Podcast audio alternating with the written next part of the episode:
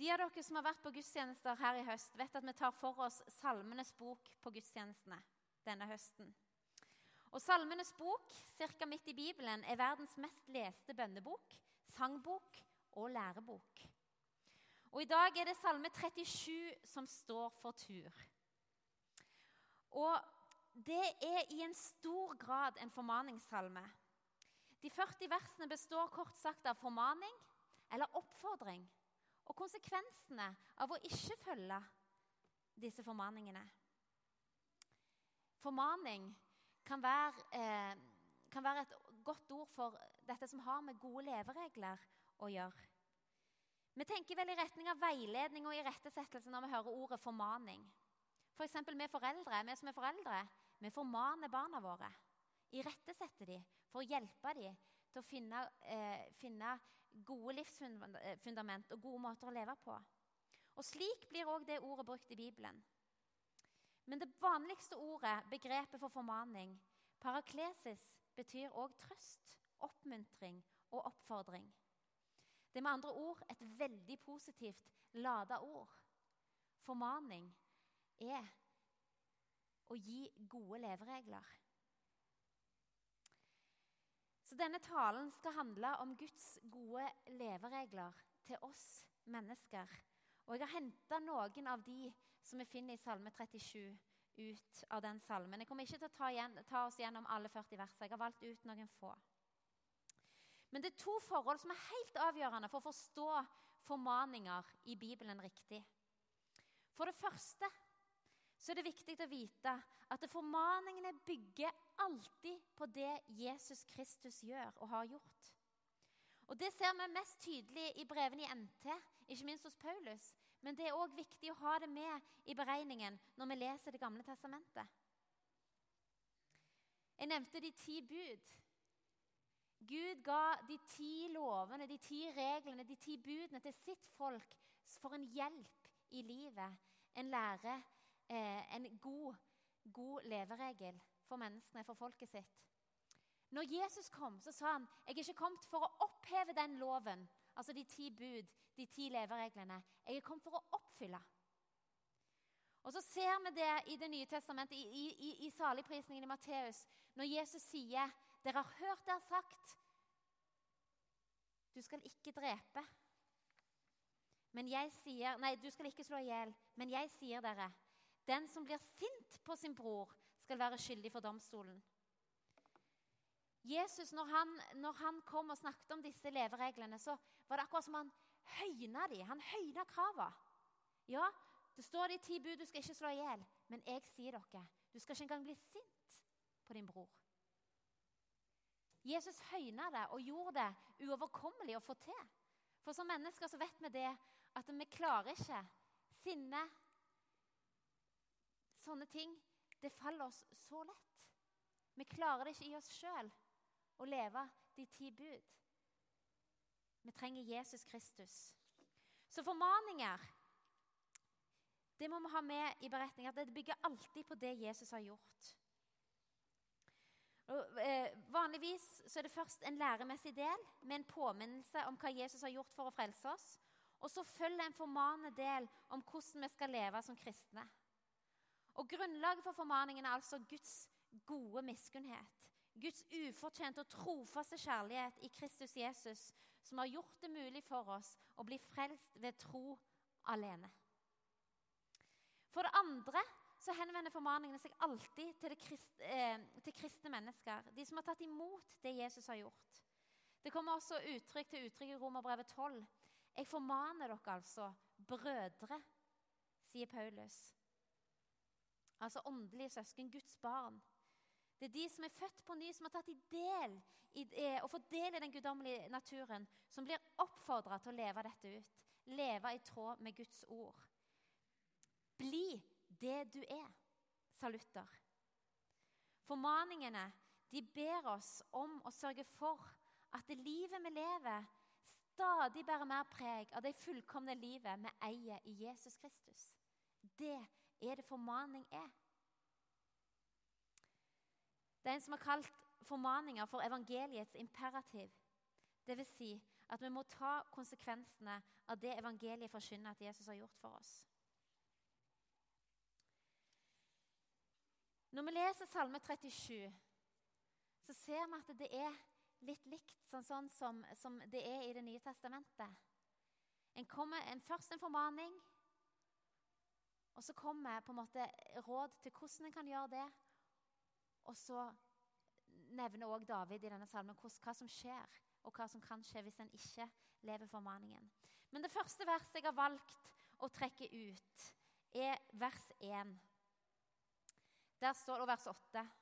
Der står det Bli ikke sint på voldsmenn. Misunn ikke dem som gjør urett. Gi slipp på vreden. La harmen ligge. Bli ikke sint. Det fører til det onde. I ordspråkene 15 vers 18 så står det Den som er sint, volder trette.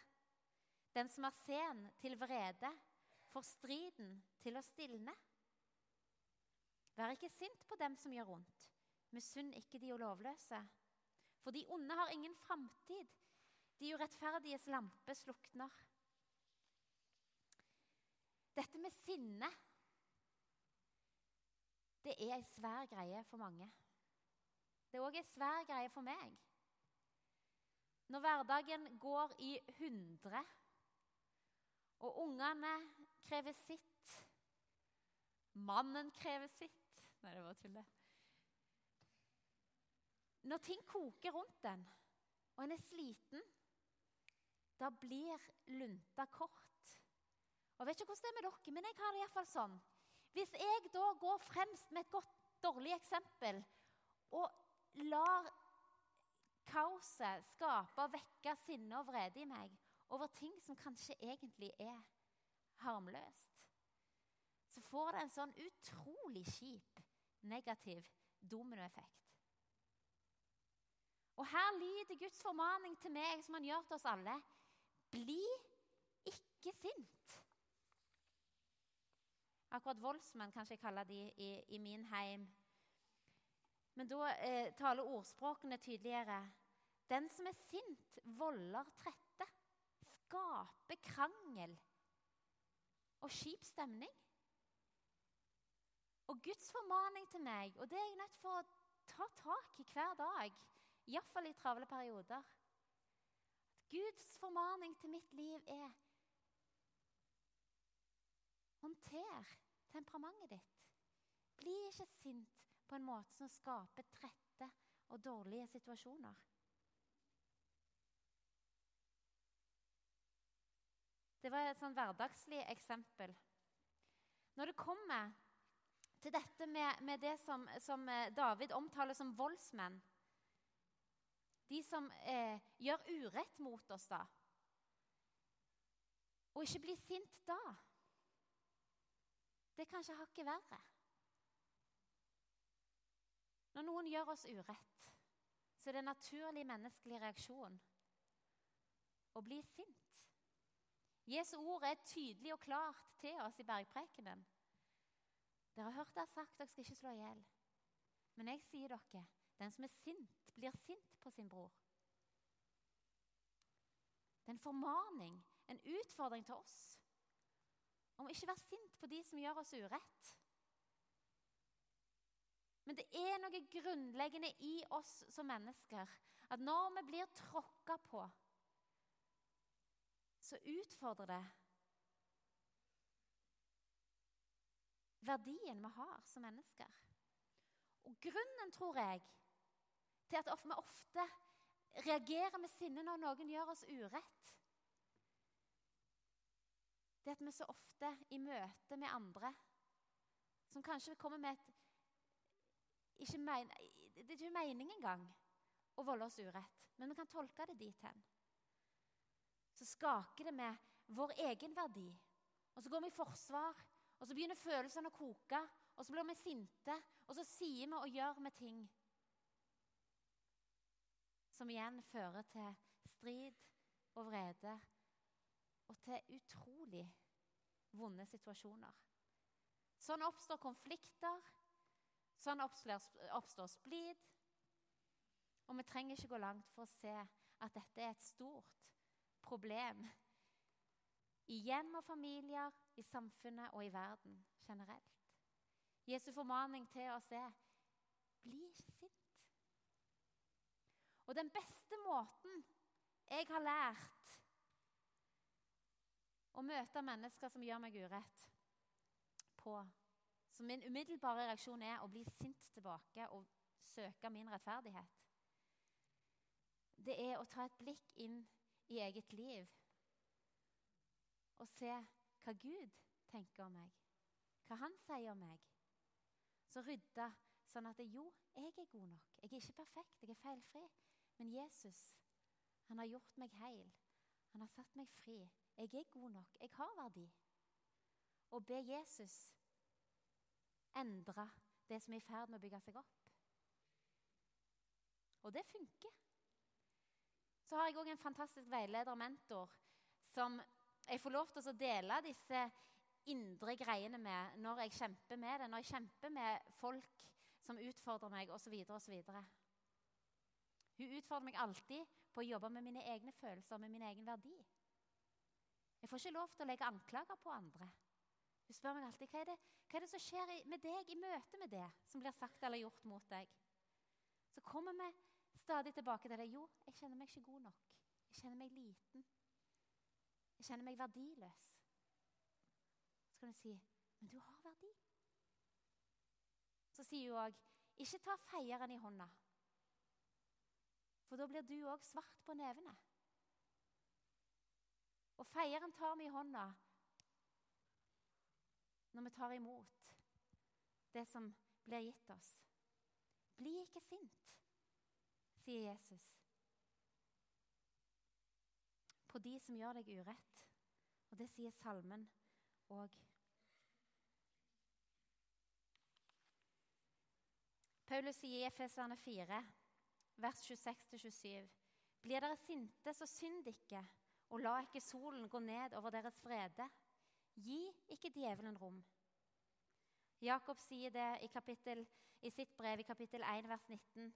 Enhver skal være rask til å høre, men sen til å tale, og sen til å bli sint. Veldig mange ganger så lar vi ting ramme oss som egentlig ikke trenger å ramme oss. Hvis vi er klar på hvem vi er, og hvem Gud er. Det var jeg som sa at sann ydmykhet det handler om at vi snakker sant om hvem Gud er, og hvem vi er. Og der er det frihet. Neste formaningen i Salme 37, som jeg har valgt å ta fram, er det som står i vers 3. Stol på Herren og gjør det gode. Bo i landet og ta vare på troskap. Så vers 5. Legg din vei i Herrens hånd. Stol på ham, så griper han inn. Han lar din rettferd stige opp som lyset, din rett som høylys dag. 37,5 har jeg hørt er den normale kroppstemperatur.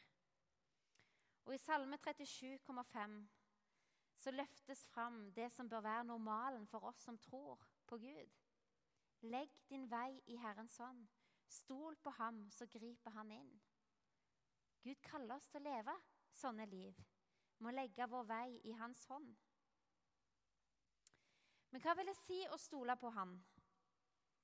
Å overlate alt til Gud og hvile i at Han har kontroll? Det er jammen meg ikke så lett alltid, og det tror jeg jeg ikke er alene om å tenke. Det er ikke så vanskelig å stole på Gud når det går greit i livet, for da har vi kontroll sjøl. Da blir det fort sånn at en glemmer at en ikke trenger han. Men det er når livet blir krevende og vanskelig, at dette blir en virkelig utfordring. Å legge sin vei i hans hånd og stole på at han vil gripe inn.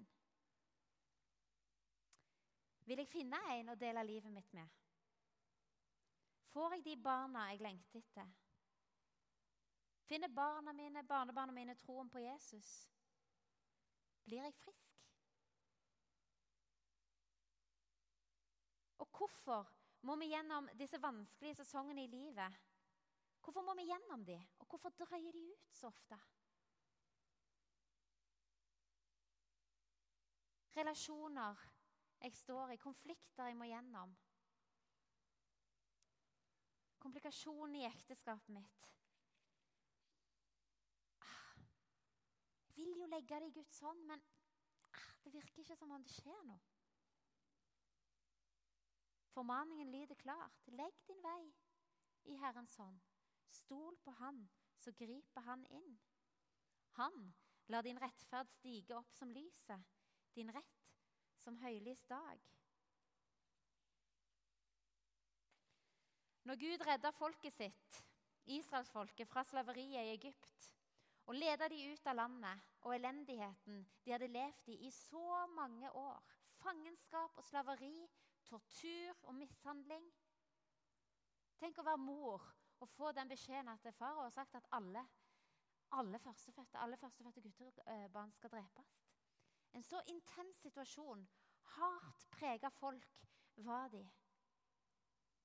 Når han leda, når Gud leda, eh, talte til farao, eller overbeviste, dreiv farao til det punktet at han lot israelsfolket dra, så står det her Når farao lot folket dra opp fra Egypt, så står det at Gud ikke leda dem gjennom filisternes land, selv om den veien var den korteste. For Gud tenkte at folket kunne komme til å angre seg og vende tilbake til Egypt hvis de opplevde krig. Altså da krig med filistene. Derfor lot Gud dem gå en omvei gjennom ørkenen mot Sivsjøen. Det står videre, Dette står i 2. Mosebok kapittel 13. Det står videre at så dro israelitten opp fra Egypt. Og hør på dette fullt rustet. Gud leda de ut av en ekstremt vanskelig situasjon. Og så lot han de ikke ta den korteste veien. Han leda dem på en omvei. For han var redd for at de ville snu ved minste motstands vei og flykte tilbake til Egypt. Derfor leda han dem en omvei. Og så står det at de dro ut fullt rustet. Står det i vers 19 fullt rustet. Av og til vil Gud ta deg på en lengre vei enn den som tilsynelatende er den korteste. Og Den kan være lang, og den kan være kronglete. Men formaningen hans, hans ord, sier det at han tar deg ut på veien fullt rustet. Han vil gi deg alt. Eller du er allerede fullt rusta når du begynner på vandringen. For i Han har du alt du trenger i møte med hvilken som helst omstendighet og situasjon i livet. Og om den livsveien er lang og kronglete noen ganger, så er du fullt rusta. ikke det fint? Gud er så trofast. Videre kan vi lese at det står fra vers 20 utover Herren gikk foran den om dagen i en skysøyle for å vise dem veien om natten i en ildsøyle for å lyse for dem.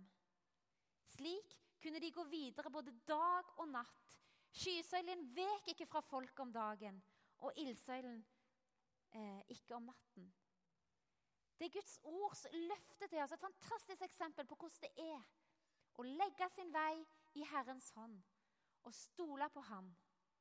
Og vite at Han vil gripe inn uansett hva som kommer.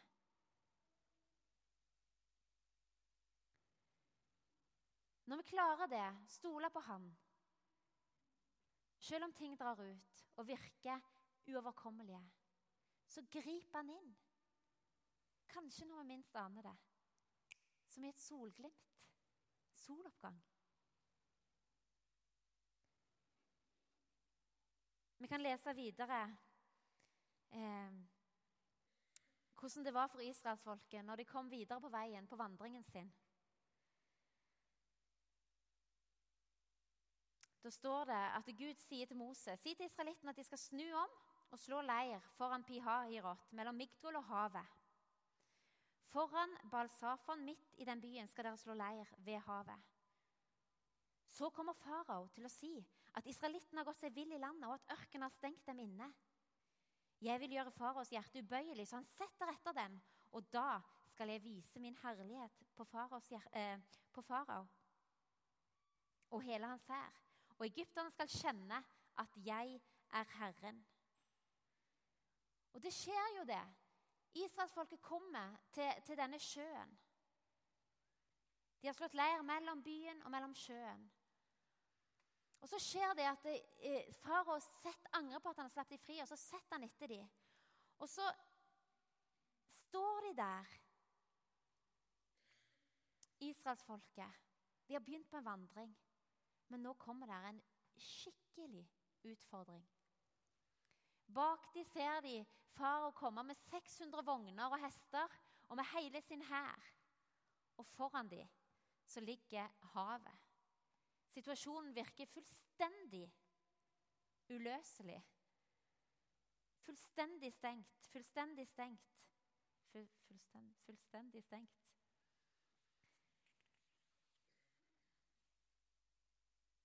Det står at de nådde det igjen ved Bihariat, der de lå i leir ved havet. Da farao nærmet seg, så israelittene opp og fikk øye på egypterne som kom etter dem. De ble grepet av stor frykt og ropte til Herren. De sa til Moses, 'Fantes det ikke graver nok i Egypt, siden du har ført oss ut i ørkenen for å dø?' 'Hvorfor har du gjort dette mot oss? Hvorfor førte du oss ut av Egypt?' 'Var det ikke det vi sa til deg i Egypt?' 'La oss få være i fred, vi vil arbeide for egypterne.' Etterpåklokskapens navn.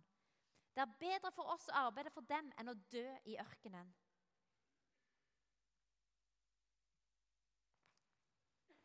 Situasjonen er låst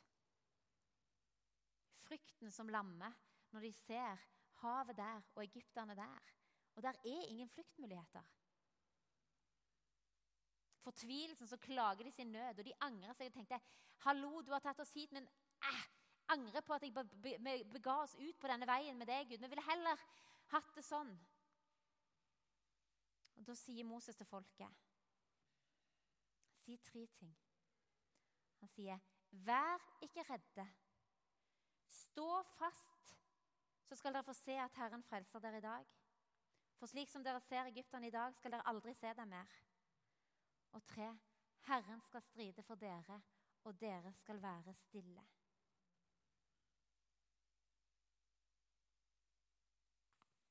I vers 7 i Salme 37 så sier David noe av det samme. Vær stille for Herren, vent på ham. Vær stille for Herren, vent på Han. Og Moses sier, 'Vær ikke redde, stå fast. Herren skal frelse dere.' Herren skal stride for dere, og dere skal være stille. Men våg å vente på ham. Og det krever ganske mye mot det. Når en ikke ser det der umiddelbare bønnesvaret inn i den kaotiske situasjonen. Og Gud sier 'vent'. Vær stille. Jeg skal stride. For det første Det ligger til en sånn menneskenatur. Når vi ser fare, så flykter vi. Noen av oss blir totalt handlingslamma og paralysert og blir stående. Og på, på sett og vis følger vi Guds ord på 'vær stille, vent på ham'. Men kanskje er vi så paralyserte at vi ikke klarer å begynne å gå når han sier 'gå'. Guds formaning til oss er vær stille, vent. Jeg skal gjøre det. Jeg skal gripe inn. Og De av oss som kjenner historien, vet hva som skjer i den desperate situasjonen de er i. Moses får beskjed om å løfte staven utover sidskjeven, og, og vannet deler seg. Og israelsfolket får gå tørrskodd igjennom. Og vannet legger seg over egyptene. Og aldri mer aldri mer. Som Gud sa, for slik som dere ser egypterne i dag, skal dere aldri mer se dem. Vet du hva, Det er Guds løfte og formaning til oss òg. Vær stille. Vent på Han. La Han lede vei. Våg å gi slipp. Han griper inn. Hold fingrene av fatet. Ikke bland deg fikk jeg beskjed om en gang jeg sto i en ekstremt vanskelig eh, situasjon. en konfliktsituasjon. Hold fingrene av fatet. Ikke bland deg. Herren skal stride for dere, og dere skal være stille, står det i Guds ord. For når jeg, Elisabeth, begynner å røre og prøver å fikse opp i det som jeg tror ikke Gud har kontroll på For det er jo det jeg tror noen ganger når jeg begynner å ta affære sjøl. Så blir det et himla rot. Men hvis vi våger å ta Gud på ordet i sin formaning til oss når vi møter både frykt og ekstreme situasjoner Bli stående. Vær stille. Herren skal stride for dere. Da kommer vi eh, tørrskodd gjennom på en helt annen måte enn det vi ville klart å slepe oss i land på på egen hånd. Gud er fantastisk sånn, og jeg har erfart det igjen og igjen i livet. Og veldig ofte så erfarer jeg litt på veien at jeg prøver å røre litt i fatet sjøl. Så kjenner jeg det OK. Når Gud får gjøre det Og i konfliktsituasjoner så, så Jeg kom opp i eh, når jeg var 16 år, så opplevde jeg hvordan rotete det kunne bli i konflikter. For da landa jeg som 16-åring midt oppi en, en konflikt som jeg egentlig ikke var en del i, men jeg landa oppi den. Og fikk erfare hvor sårende og ødeleggende det kan være. Og gang på gang, i konflikter og i andre vanskeligheter, i møte med sykdom, i møte med barnløshet, så har jeg erfart og sett at det Guds ord, det holder stand. Det funker så mye bedre enn egenskapte leveregler. Det bærer. Det bærer gjennom. Formaning grunnfest er at Jesus har gjort det for oss. Den bærer gjennom. Å legge sin vei i Herrens hånd og stole på Han uansett omstendigheter. Og si OK, Gud, dette må du ta del i. Dette må du ta tak i. Dette må du lede gjennom. Det funker. Jeg er så utrolig sikker på akkurat det. Men jeg vet hva det vil si å desperat rope nå er det nok, Gud! Nå må du hjelpe meg igjennom. Hver gang jeg har opplevd å stå på den desperasjonsranden der, om ikke hele problemet blir løst der og da Jeg tror ikke jeg har opplevd én gang at Gud ikke kommer med et oppmuntringsord på veien, sånn at jeg klarer å stå litt lenger i det til en er helt igjennom. Gud er sånn, og jeg vet det gjelder ikke for bare for meg. Det gjelder for alt Guds folk. Som vi ser eksemplifisert i historien med Israelsfolket som blir ledet ut av Egypt.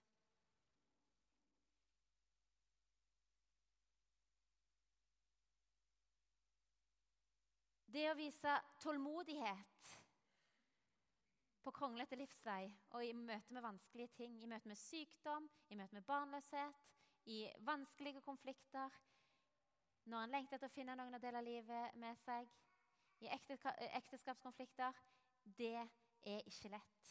Å vise den tålmodigheten som Guds ord formaner oss til, om å vente på at Han skal gripe inn, det er ikke lett. Det er en viljebeslutning. Bibelen viser, eh, gir eksempel på, på, hvordan det kan gå hvis en velger å la være å vente på Herren og begynne å røre i fatet sjøl. Mange av dere kjenner historien om Abraham. Når Gud kaller Abraham, så sier han at eh, i deg skal alle folkeslag på jorden velsignes. Og din ett skal bli så tallrik som stjernene på himmelen, sier Gud til Abraham og viser han himmel, himmelen. Mens Abraham og Sara de er barnløse. Og når årene går etter dette løftet fra Gud, så virker det mer og mer ulogisk, det løftet Gud har kommet med. Din ett skal bli tallrik som stjernehimmelen. Og Sara og Abraham de beveger seg lenger og lenger og lenger, lenger ut i livet. Og året går, og ingen barn kommer. Guds løfte tallrik ett, særlig. Det der kommer aldri til å skje. Og Så skjer det at de velger å røre på fatet. De velger å blande seg inn. ta affære i det som egentlig er Guds agenda sjøl. Og så kjenner vi historien. Vi kjenner at Sara hun tar trellkvinna deres og så sender inn til Abraham, sånn at Abraham kan få barn med henne. Prøver å fikse opp på egen hånd. Gud har jo sagt at vi skal bli en tallrik ett. Nå går det litt for lang tid her. Det er best jeg tar affære. Og så får Abraham barn med, med trellkvinna, og Ishmael blir født.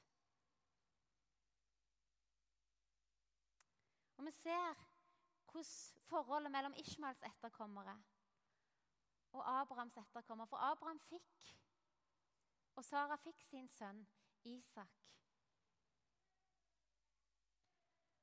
Og gjennom historien så har verden smakt på konsekvensen, og ikke minst Guds folk har smakt på konsekvensen av det å ikke vente på Guds timing, Guds tid. Ishmaels ett og Abrahams ett, Isaks ett, har stått i strid med hverandre siden den gang.